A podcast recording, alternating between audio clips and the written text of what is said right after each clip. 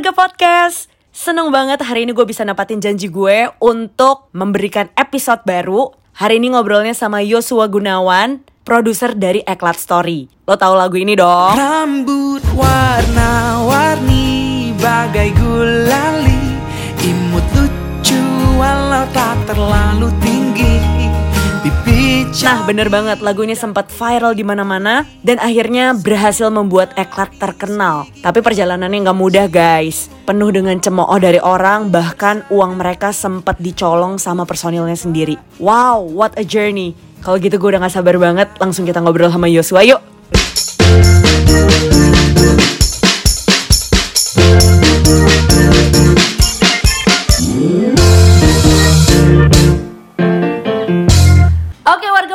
Sekarang sudah bersama dengan Yosua Gunawan um, otak dari Eklat Story. Eh, Otak. Halo semuanya, di sini Yosua. Jangan lupa follow Yosua underscore Gunawan. Ah, siap. oh jadi nggak usah follow Eklat ya, udah banyak ya. Eklat udah banyak, gue yang butuh followers nih. Yos, thank you banget udah main-main ke Kenny and Friends. Lo menjadi salah satu friends yang membanggakan banget sih karena kita kenal udah cukup lama ya. dari kita bocil, kan? Parah. Kita kenal dari berapa ya? Dari SD. Pokoknya dari lo tuh masih kayak Korea banget deh. Sampai Bahkan sebelum kan? itu sih. Sekarang gue sih Korea. Iya iya iya iya. Oke Yos, gue tuh um, ada satu momen yang di mana gue tuh bangga banget sama lo karena kalau misalnya dengerin suara eklat gitu ya, itu udah sering banget lah. Uh, momen yang paling gue kayak wah gila temen gue terkenal banget waktu gue ke Bali. Terus gue masuk ke salah satu kayak uh, supermarket gitulah. Gue nggak tahu itu radio atau apa. Intinya adalah ada satu lagu eklat bentuk cinta itu yang terkenal Pasti, banget ya. itu, Itu yang rada gila sih terkenal. Gue juga emes sih Iya, sama iya. sama progres lagu itu. Entah kenapa, karena kalau gue boleh cerita itu lagu sebenarnya bukan bukan single kita.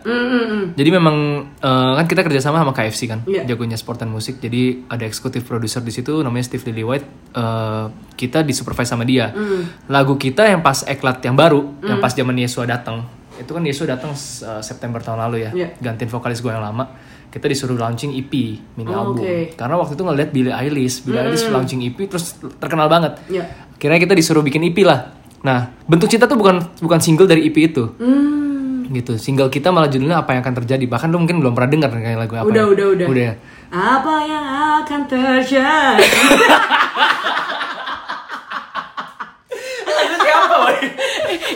itu kayak lagu gereja ya. Mari sembah Tuhan. eh tapi podcast ini emang rohani ada Enggak juga. Oke.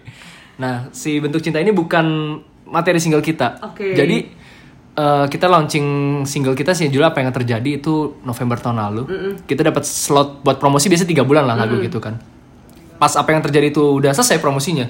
Tiba-tiba bentuk cinta ini naik, nggak kita apa-apain. Oh, Oke. Swear to God lah ini lagu nggak kita sentuh sama sekali promosinya gitu. Jadi tiba-tiba aja memang by the grace of God sih. Jadi memang bukan bukan dari kemampuan kita, bukan dari kemampuan marketing tim gue atau gimana pun cara kita promosi. Itu benar-benar lagu itu naik sendiri. Oke. Jadi tiba-tiba dari TikTok tiba-tiba viral di TikTok. Jadi uh, warga-warga K-pop tuh bikin kayak fake message gitu. Jadi kayak mereka fake message sama idolnya terus idolnya balas gitu. Oh iya iya iya iya. Kan rambut warna-warni bagai gulali kan idol-idol kan rambutnya warna-warni kan. Terus dibalasnya kayak gitu sama mereka. Jadi kayak fake chatnya itu jadi trending sempat trending di TikTok.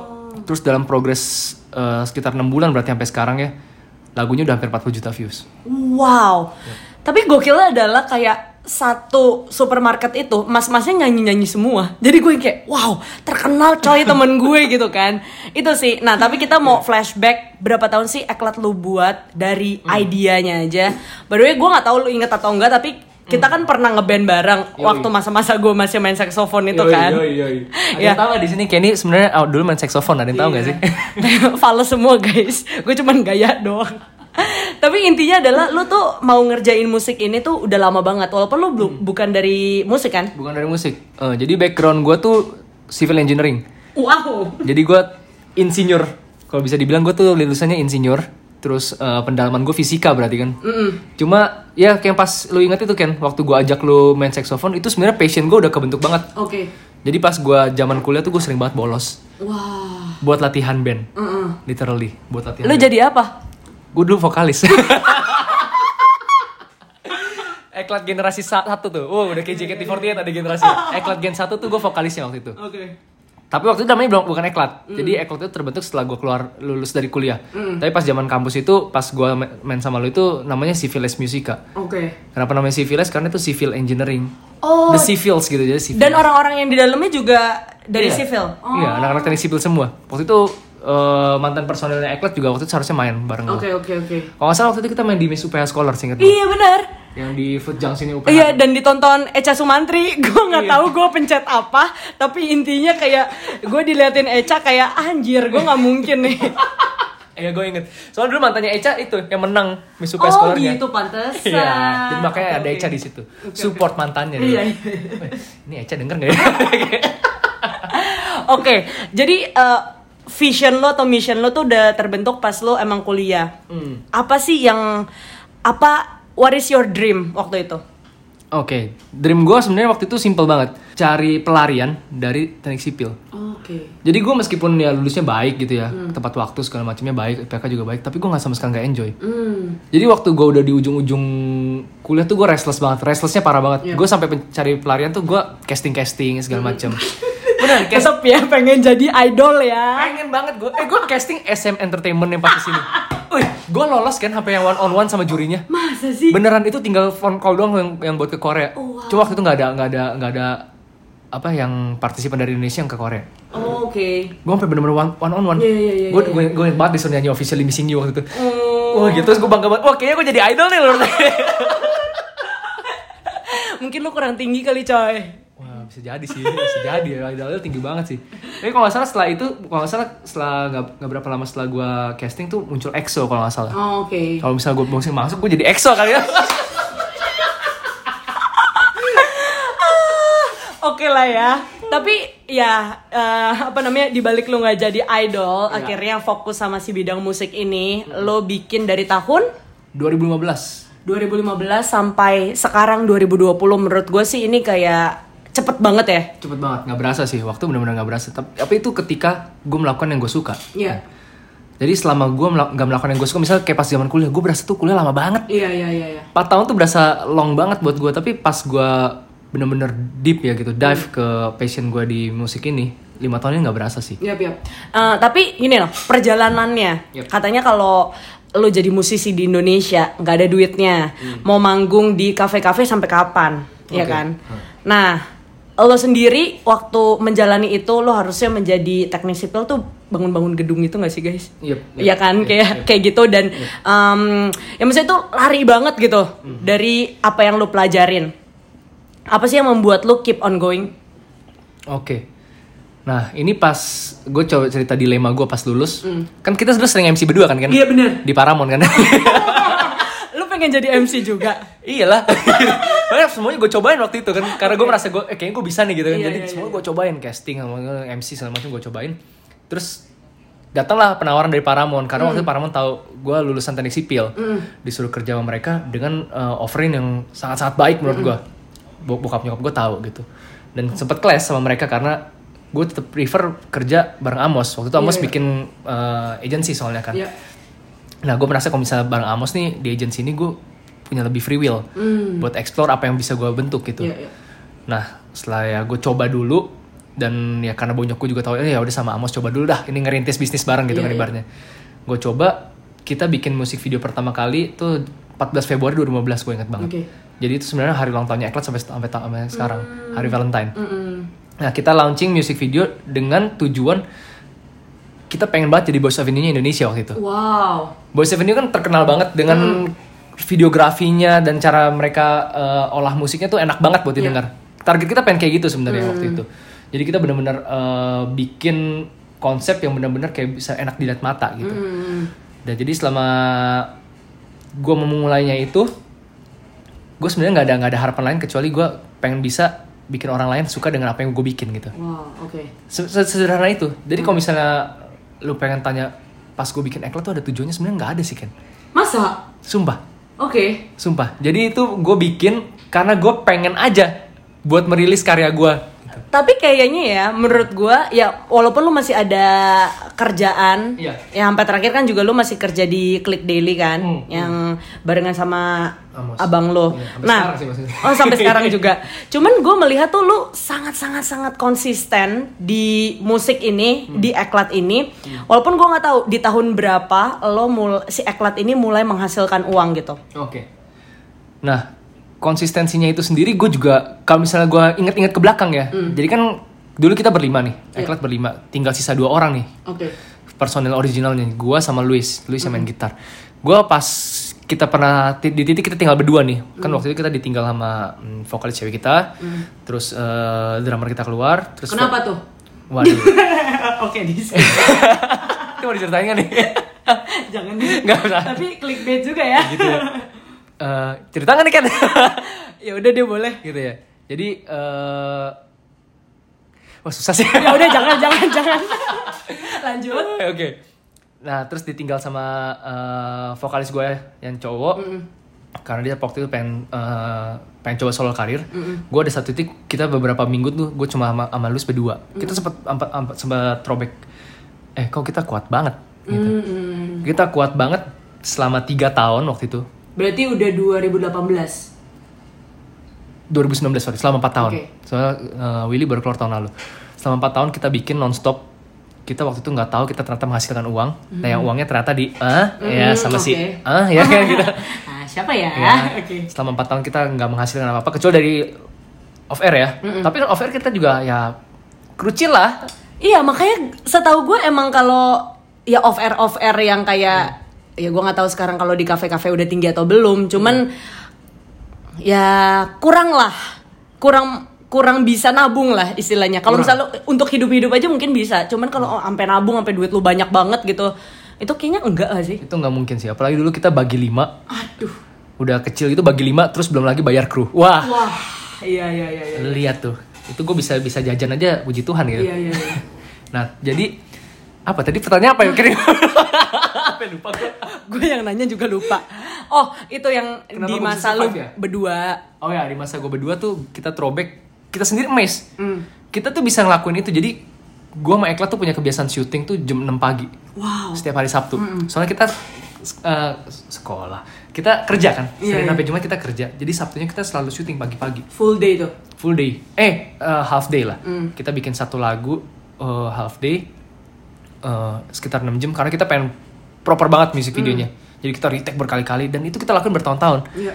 Tanpa kita ada ekspektasi bahwa oh kita bakal make it atau apa. Tapi kita juga just have fun aja. Kita mungkin iya. pas datang itu kita pikirnya kayak oh ini harinya gue hangout nih sama anak-anak ini. Ah, oke. Gitu. Jadi Tapi membuat karya. membuat karya. Nah, tapi itu udah, udah kejadian berkali-kali kan. Jadi itu amazed banget karena eh selama 4 tahun itu nggak menghasilkan apa-apa, terus kita bisa survive.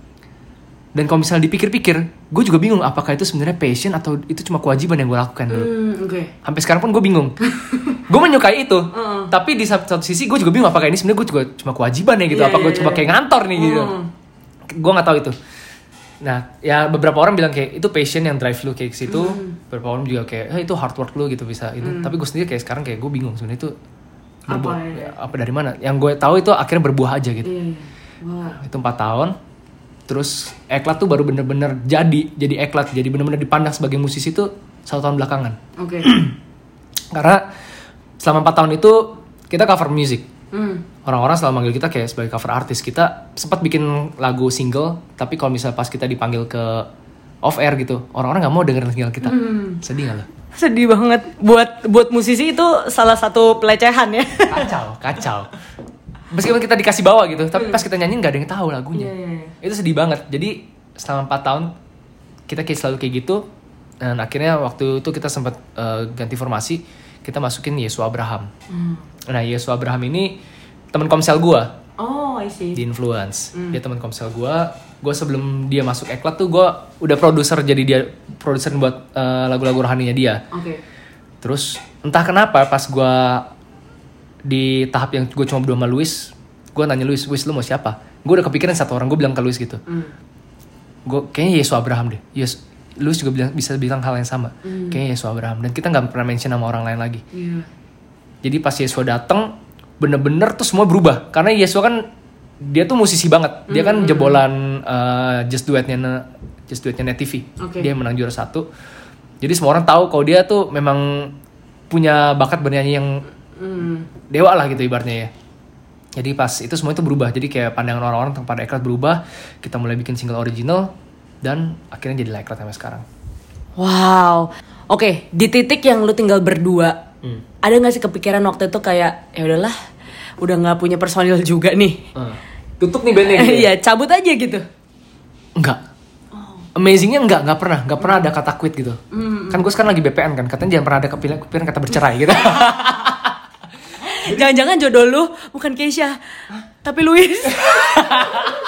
jangan. Jangan, jangan, jangan. Tuh menciptakan Adam dan Hawa. Oh, iya, iya, Bukan Adam dan, eh udah kita kan. Beda topik. Oke, oke, oke. Gak pernah kepikiran sedikit pun. Tapi si Luis pernah. Luis pernah kepikiran buat pulang kampung. Oh, dikira Luis pernah kepikiran kalau lu jodohnya dia. Oh, bukan, bukan. Luis pernah kepikiran buat, buat pulang kampung. Dia kan orang Pekanbaru. Tapi itu dia bilang dia pernah kepikiran, dia dia pernah cerita ke gua. Tapi itu di masa waktu Eklat masih Iya, iya, iya. masih hancur banget gitu. Tapi tapi dia survive, dia nggak pernah muncul gitu. Meskipun kepikiran, Iya, iya. tapi nggak pernah muncul. Sedangkan kayak eh, personal-personal gue yang lainnya ya udah kejadian dan mereka mengutarakan bahwa mereka exit gitu ya. Menurut lo personil-personil yang keluar itu mereka iri gak dengan sekarang eklat nih? Wah pastilah. Dengar-dengar dari AdSense aja udah berapa nih ya kan penghasilannya? Hmm. Oke, em, tapi yang gue kan juga kenal sama personil-personil eklat yang dulu, Iya. yang sekarang gitu kan. Dan gue bisa lihat kalau Louis itu bener-bener into music banget, kayak hidupnya dia adalah musik, musik adalah Louis gitu kan. Dan dia bener-bener kayak ya udah, gak apa-apa. Misalnya nggak ada duitnya, nggak apa-apa, ayo tancap aja terus, sikat, sikat, sikat, sikat, sampai akhirnya di poin di mana karena selama ini dia menabur, hari-hari ini dia menuai gitu nggak sih? Yap, yap, itu gue setuju banget. Setuju banget. Jadi eh gig-gig kita yang dulu tuh, Iya. itu kan banyak maksudnya kayak jadi dari AdSense kita kan diambil ya, dicuri, kecolongan gitu. Dicuri sama orang. Iya, AdSense kita kecolongan gitu kan. Dan gig-gig kita kan kecil gitu kan. Tapi banyak juga gig kita yang, yang cuma dibayar berapa kayak misalnya angkanya 2 3 juta gitu ibaratnya. Buat kita iya, buat kita yang syukuran YouTubers tuh. Yang waktu itu subscriber kita pun udah ratusan ribu Iya, gitu. iya. Dan kita pelakuin gitu. Karena pertama kita memang suka suasana di panggung Iya. dan itu memang irreplaceable gitu. Tapi di satu sisi gue setuju banget yang tadi bilang yang itu tabu penab- itu kita menabur di saat-saat kayak gitu. Jadi yang saat ini kita lakukan kita lagi menuainya. Menurut Iya, gue sih kayak gitu. Jadi ini kita momen gue dan Luis saat ini kita momen lagi menuainya kayak Iya, gitu iya. sih. Nah itu kan sempat ada pergantian pemain ya dari awal Yosua ini sebagai vokalis dan waktu itu kurang terkenal eklatnya sampai akhirnya ada di titik di mana Yosua ya udah deh jadi orang belakang aja deh jadi produser gitu namanya kan keren tapi jarang muncul tapi bentar-bentar kayaknya semua flyer yang ada eklatnya tetap ada lu nya ya walaupun Iya. bener itu bener banget. Jadi gue tuh satu-satunya produser di Indonesia yang ada terus di mana-mana gitu. jadi produser kok tetap narsis ya itulah masih ada jiwa-jiwa idolnya ya Jiwa idolnya tuh nggak bisa lepas kan, nggak bisa. Nggak nggak. Tapi eh, buat buat seorang musisi atau lo kan suka musik gitu ya. It's hard gitu untuk nggak tampil di depan gitu. Apa sih yang memutuskan waktu itu? Ya udah deh gue jadi produser aja. Ya mungkin ya si yang nyanyi ini singers ini harus diganti sama orang lain gitu. Oke. Waktu itu eh, kenapa tiba-tiba gue pilih mundur? Karena dua orang itu sebenarnya lebih baik daripada gue. Clara dan jangan lupa kamu sudah lolos SM Entertainment loh Oh yoi. Jadi waktu dulu tahun 2014 gue pernah SM Entertainment dan gue lolos one on one sama jurinya. harusnya lu bisa mengalahkan BTS sekarang Waduh, mungkin kali ya. Kalau gue latihan dancer dulu gue mungkin jago banget kayak BTS gitu ya. jadi lu menyadari di di poin di mana oh ya udah ada orang orang yang lebih bagus daripada gue gitu Yap, yap. Gue waktu itu eh, sadar, wah ini Louis, eh, Clara sama Willy ini jauh lebih baik daripada gue nyanyinya gitu. Dan gue akuin itu. Dan sedangkan saat itu posisi gue, gue merangkap di front line juga, tapi gue di backline juga. Iya. Jadi dari dulu memang Eklat selalu eh, produsernya selalu gue, dari video dan musik semua itu selalu gue gitu. coy itu lu bener-bener ngedit sendiri Bener-bener ngedit sendiri. Gue jadi mixing music itu gue belajar otodidak. Wow. Emang kita tuh bisa kalau kepepet ya? Kita bisa karena kepepet sih, bener sih, bener sih. Kan kepepet soalnya nggak punya duit tuh, Iya, ya iya, kan? iya. Udah kerjain aja sendiri semuanya guys. Kerjain aja ya. Akhirnya itu jadi skill set utama gue sekarang. Who knows loh, gila. Iya iya iya iya. Jadi waktu itu memang ya udah mereka lebih baik daripada gue dan gue merasa gue terlalu banyak ngambil bagian Mm-mm. gitu jadi kita Padahal dibayarnya sama. Padahal bayarnya sama, harusnya gue ambil 50% tuh. Aduh. Coba nggak dicuri. Coba nggak dicuri. Jadi ya udah gue merasa kita lebih pembagiannya lebih baik seperti ini. Kita punya formasi lebih baik seperti ini gitu. Jadi sejak saat itu eh, perlahan-lahan gue mundur gitu. Tapi kan eh, fansnya Eklat udah tahu terus sebenarnya gue ada di Eklat gitu kan. Jadi waktu itu eh, kalau misalnya gue nggak muncul di video tuh selalu ditanyain Wes. itulah yang kenapa kalau misalnya sekarang di flyer flyer tetap ada gua jadi gua ibaratnya kayak eh gua gak keluar dari eklat gitu Itu cuman information, bro. Information aja gitu akhirnya itu kebiasaan sampai sekarang jadi selalu ada gua jadi Februari tahun depan kita launching album bareng KFC kan gua nggak ada nyanyi ya tetap ada gua di di front cover tetap ada gua kan Bahkan kayaknya bisa paling uh, lama make upnya ya kayak bapak ya. Wah, itu gue BTS banget pokoknya ntar lu lihat deh foto gue keren banget keren keren. Eh by the way itu dibocorin dong berarti. Apa tuh? Eh, musik lo bersama dengan KFC. Iya nggak apa-apa lah sekalian promosi promosi pertama nih di podcastnya lu Wih keren. Eh, gue gini-gini nomor satu loh di trending podcast Indonesia. Weh. Oh iya, serius? Bangga gak lo sama gue? Gila lu keren banget kan. Tapi gue gue bener-bener bangga sih sama sama circle-nya kita ya. Iya. Kayak lu jadi orang lah gitu. Terus Brian jadi orang itu kayak bener-bener kayak jadi orang kita jadi Banyak gak yang jadi babi ya? Waduh, siapa ya? eh, yang buat KFC itu bocorin sedikit dong. Nanti albumnya namanya apa gitu. Oke, jadi ini kita yang kedua kali bareng KFC. Yang pertama kali tuh eh, album kompilasi bareng artis-artis lain. Lumayan waktu itu ada Brisia Jody, Gea, segala macam, Juicy Lucy. Jadi naik penjualannya kita dapat dapat royaltinya gede. kan Eklo baru baru datang kan kita kan. Kita dapat baru-baru artis gede, uh langsung royalti. Padahal itu kan lagu track misalnya 10. Nah, nomor lo yang nomor 6 di skip terus tuh. Iya pasti itu. Dulunya akhir kisah gue kan kayak di sini kayak satu satu persen orang yang tahu deh. ya tapi nggak apa-apa yang penting cuan ya. Cuma terima Tapi kasih teman-teman yang ada di album musik KFC pertama ya. oke, yang kedua Album akan musik kedua ini kita ambil dari eh, single kita yang meledak banget. Jadi judulnya itu Bentuk Cinta di album. Wow, dan itu akan menjadi album dari Eklat pertama yang full lagunya Eklat ya. Full lagunya Eklat, 10 biji full lagunya Eklat. Produced by Yosua Gunawan. Ya, the one and only Yosua Gunawan. so proud. Secara uh, fame lu lagi naik terus nih. Puji Tuhan. Iya kan? Secara uang atau kang tahu juga pastinya meningkat terus gitu Puji kan. Tuhan, puji Tuhan. Apa sih next dari Eklat nih kira-kira setelah album? Album udah realisasi. Ini berarti udah jadi kan albumnya tinggal di launch aja kan? Iya, semuanya udah jadi, tinggal kayak lagi proses cetak sih setahu gue. Oke. Dan kita lagi nunggu giliran kita karena sekarang lagi giliran giliran artis lain yang promosi, jadi giliran kita di Februari tahun depan. Kalau goals ya, ini mungkin kedengaran bakal ter- terdengar ambisius banget nih. Jadi Tapi itu yang lo lakuin dari awal cuy. Jadi go ahead. Oke. Jadi kalau misalnya dulu nih, dulu tuh gue gak punya ambisi bersama Eklat. Itu bener-bener gak ada ambisi. Kita just do it gitu. Bukan just do it ya. Do it gitu ya, just do it gitu ya. Dan kita akhirnya make it make it happen sampai di titik ini gitu. Itu kita lakuin semua kita nggak ada mimpinya waktu itu. Tapi semua terjadi karena kita mungkin ya eh, kerja keras terus eh, konsistensi dan segala macam itu benar-benar berbuah. Nah, sekarang kita masih melakukan hal yang sama. Tapi sekarang kita di drive sama mimpi kita. Yang adalah Mimpi kita ini besar banget. Kita pengen dominasi musik di Indonesia. wow. Beneran, kita pengen dominasi musik di Indonesia. Eh, kita udah satu sampai di satu titik di mana kita berhasil buktiin ke orang-orang kalau semua orang dulu tuh kalau bilang, wah cover artis nggak mungkin bikin single, bikin lagu, nggak mungkin lu, nggak mungkin bisa ngalahin yang lain gitu. Lu tuh udah cover artis, itu satu pertama udah, Iya, iya. udah berhasil gua kalahin tuh kayak pikiran orang-orang gitu ya semuanya kita berhasil kita kalahin. Yang kedua nih pikiran lagi yang kedua ini kita adalah kita pengen dominasi musik Indonesia gitu. Wow. Uh, what kind of music sama what kind of message yang lu pengen bawain ke pendengar-pendengar iya. Nah, kalau misalnya di sini banyak yang sering dengerin musiknya Eklat, kalian pasti sadar kita nggak pernah bikin lagu yang sedih. Semuanya tuh happy, meskipun lagunya kayak ada lirik yang patah hati, tapi pembawaan musiknya nggak pernah patah hati gitu. Iya. Itu kita kita ambil karena kita percaya hati yang gembira itu adalah obat. Wow. Diambil dari ayat. Eh, yang mana ya? Tolong dong ya. Gue juga lupa ya apa. Tapi ya basically kita pengen bikin semua orang jadi happy gitu dengan musik kita. Karena eh, terlalu banyak yang bikin lagu sedih ya kalau di Indonesia itu udah banyak banget gitu. Daripada kita kita mikir daripada di pasar yang itu terus gitu. Kita bergulat sama orang-orang yang memang udah memang kuat di situ.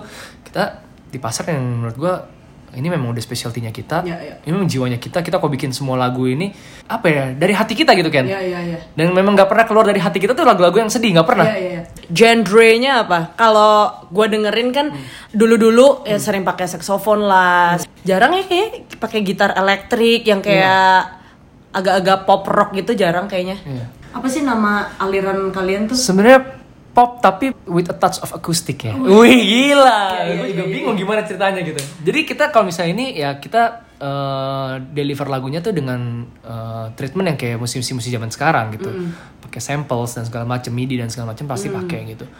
Tapi yang nggak pernah kita lepasin itu adalah akustik gitarnya Ya. Gitu. Jadi itu nggak bisa kita lepasin karena itu udah warnanya kita banget Benar. gitu. Jadi ketika kita kita pernah coba nih, kan di album ini kita ada lagu yang eh, menurut kita upbeat banget nih. Wah, asik banget nih di si gitar listrik. Kita denger "Hmm, asik sih, tapi kok kayak bukan kita ya gitu. Iya, iya, iya, kita ganti kan jadi gitar akustik. Wow. Oke. Kita ganti jadi gitar akustik. Ini baru kita gitu. Iya. Jadi kayak Louis nih sebenarnya tuh ini dia bikin warna banget buat buat eklat Iya, gitu. Karena eh, tanpa dia sebenarnya bukan warnanya eklat gitu. Iya, iya. Jadi warna akustik gitarnya itu yang nggak bisa kita lepasin. Jadi meskipun semua instrumen berubah nih, dulu kan kita pakai kahun, sekarang jadi pakai samples, pak samples drum dan segala macam. Saxophone juga kita kurangin dikit-dikit, kita ganti uh, orchestral music dan gitu. Tapi gitarnya nggak pernah kita replace. Iya, iya. Bahkan solo-solo gitu ya, itu semua kita tag pakai akustik gitar. Iya, iya. Karena itu jiwanya, warnanya kita banget. Nah justru itu yang membuat kayak kalian beda ya nggak sih? Jadi kalian nggak mengikuti musik yang lagi kayak oh trennya apa ya udah gue ikutin, tapi justru kalian membuat musik kalian sendiri dan ya tenggat diterima sama masyarakat gitu. Iya, ujung-ujungnya sih thankfully diterima ya. Iya. Tapi pas zaman kita dulu ya, kan kita sukanya warna musik kayak gitu. Iya. Oh itu banyak banget yang yang ini kita yang wah ini kok kayak gini musiknya nggak lengkap nih nggak ada bassnya segala macam segala macam gitu tapi kita doesn't give a beep ya kita tetap lakuin aja gitu Iya iya. thankfully berbuah tapi kalau misalnya nggak berbuah ya Oke, oke. Yang terakhir gue notice adalah Eklat ini sampai bisa masuk ke AMI Awards tahun 2020. tapi percaya nggak percaya waktu eklat formasi yang baru itu tuh gue bilang ke tim bahkan ke arranger gue kita bakal masuk AMI tahun depan Wow. Gila. Ini gua gua gua kasih lihat ke lu ya kan ya. Iya, Dan sayang sekali nih orang-orang di sini nggak bisa lihat ya. Gua ada grup namanya Eklat Ami. Uh-uh. Ini dibuatnya 21 Oktober 2019 Wow, tahun lalu. tahun lalu. Ini pas awal-awal Yesua masuk ya dan kita disuruh launching EP. Gue bilang kita kita harus masuk AMI tahun depan. Wow. 21 Oktober 2019 dan akhirnya tahun depan berikutnya Oktober tahun depan berikutnya kejadian kita masuk AMI. Wow. Gokil. Doain ya semoga menang ya. Ini saingannya berat-berat. Amin amin. Si- siapa saingan lo? Yang paling berat sih Noah sih. Aduh, Eh, Bang Ariel. Eh tapi itu adalah perbandingan yang ya lo harus bangga karena Eklat dibandingin sama Noah cuy. Ya, ya puji Tuhan udah mungkin selevelnya udah senoa kali. Wow, wow. Wow. Jangan tiba-tiba lo bikin video aja. Video tidak senonoh ya kan. Terkenal lo langsung. Oke lah, wow. eh, I wish you a very good luck bersama dengan Eklat juga. Gini-gini gue pernah diajakin ngeband. Itu yang selalu gue highlight dalam hidup gue. Thank you Ken, thank you Ken. Dan pastinya sukses buat uh, weddingan lu juga. Amin, Yos. amin. Mungkin ada kata-kata terakhir buat uh, warga podcast nih. Lu lu coba latihan dulu dong kayak AMI Awards gitu. Thanks to my God, thanks to my Oh, di sini kan karena gue tadi sharingnya karena uh, karir gue ya. Iya. Jadi gue coba share sedikit value gue. Setelah apa yang gue laluin segala macam itu, gue akhirnya kayak bikin sedikit summary tentang value yang gue pegang sekarang. Gue percaya passion itu adalah foundationnya kita. Nah, hard work itu tiangnya. Jadi kita kita build ses- sesuatu nih. Passion itu fondasinya, hard work itu tiangnya yang bikin buildingnya itu. Tapi rooftopnya itu yang bikin semu- semuanya jadi sempurna itu adalah attitude-nya kita. Wow. Gitu. Eh, paket kom- komplitnya buat lu berkarir di apa yang lu pengen gitu. Ini Bayosua Gunawan ya. Iya ini pengalaman hidup gue sendiri ya gitu ya. Kalau kalian nggak tahu mungkin ada nilai sendiri gitu kan ya. Tapi ini yang gue pegang sih. Thank you Yos. Yap. Pasti menang deh tahun ini. Amin. AMI 2020. Kalau nggak menang ada tahun 2021, 2022. Di mana semua tahun itu gue yakin gue bakal menang lagi. Haleluya. Thank you Yos. Thank you Ken.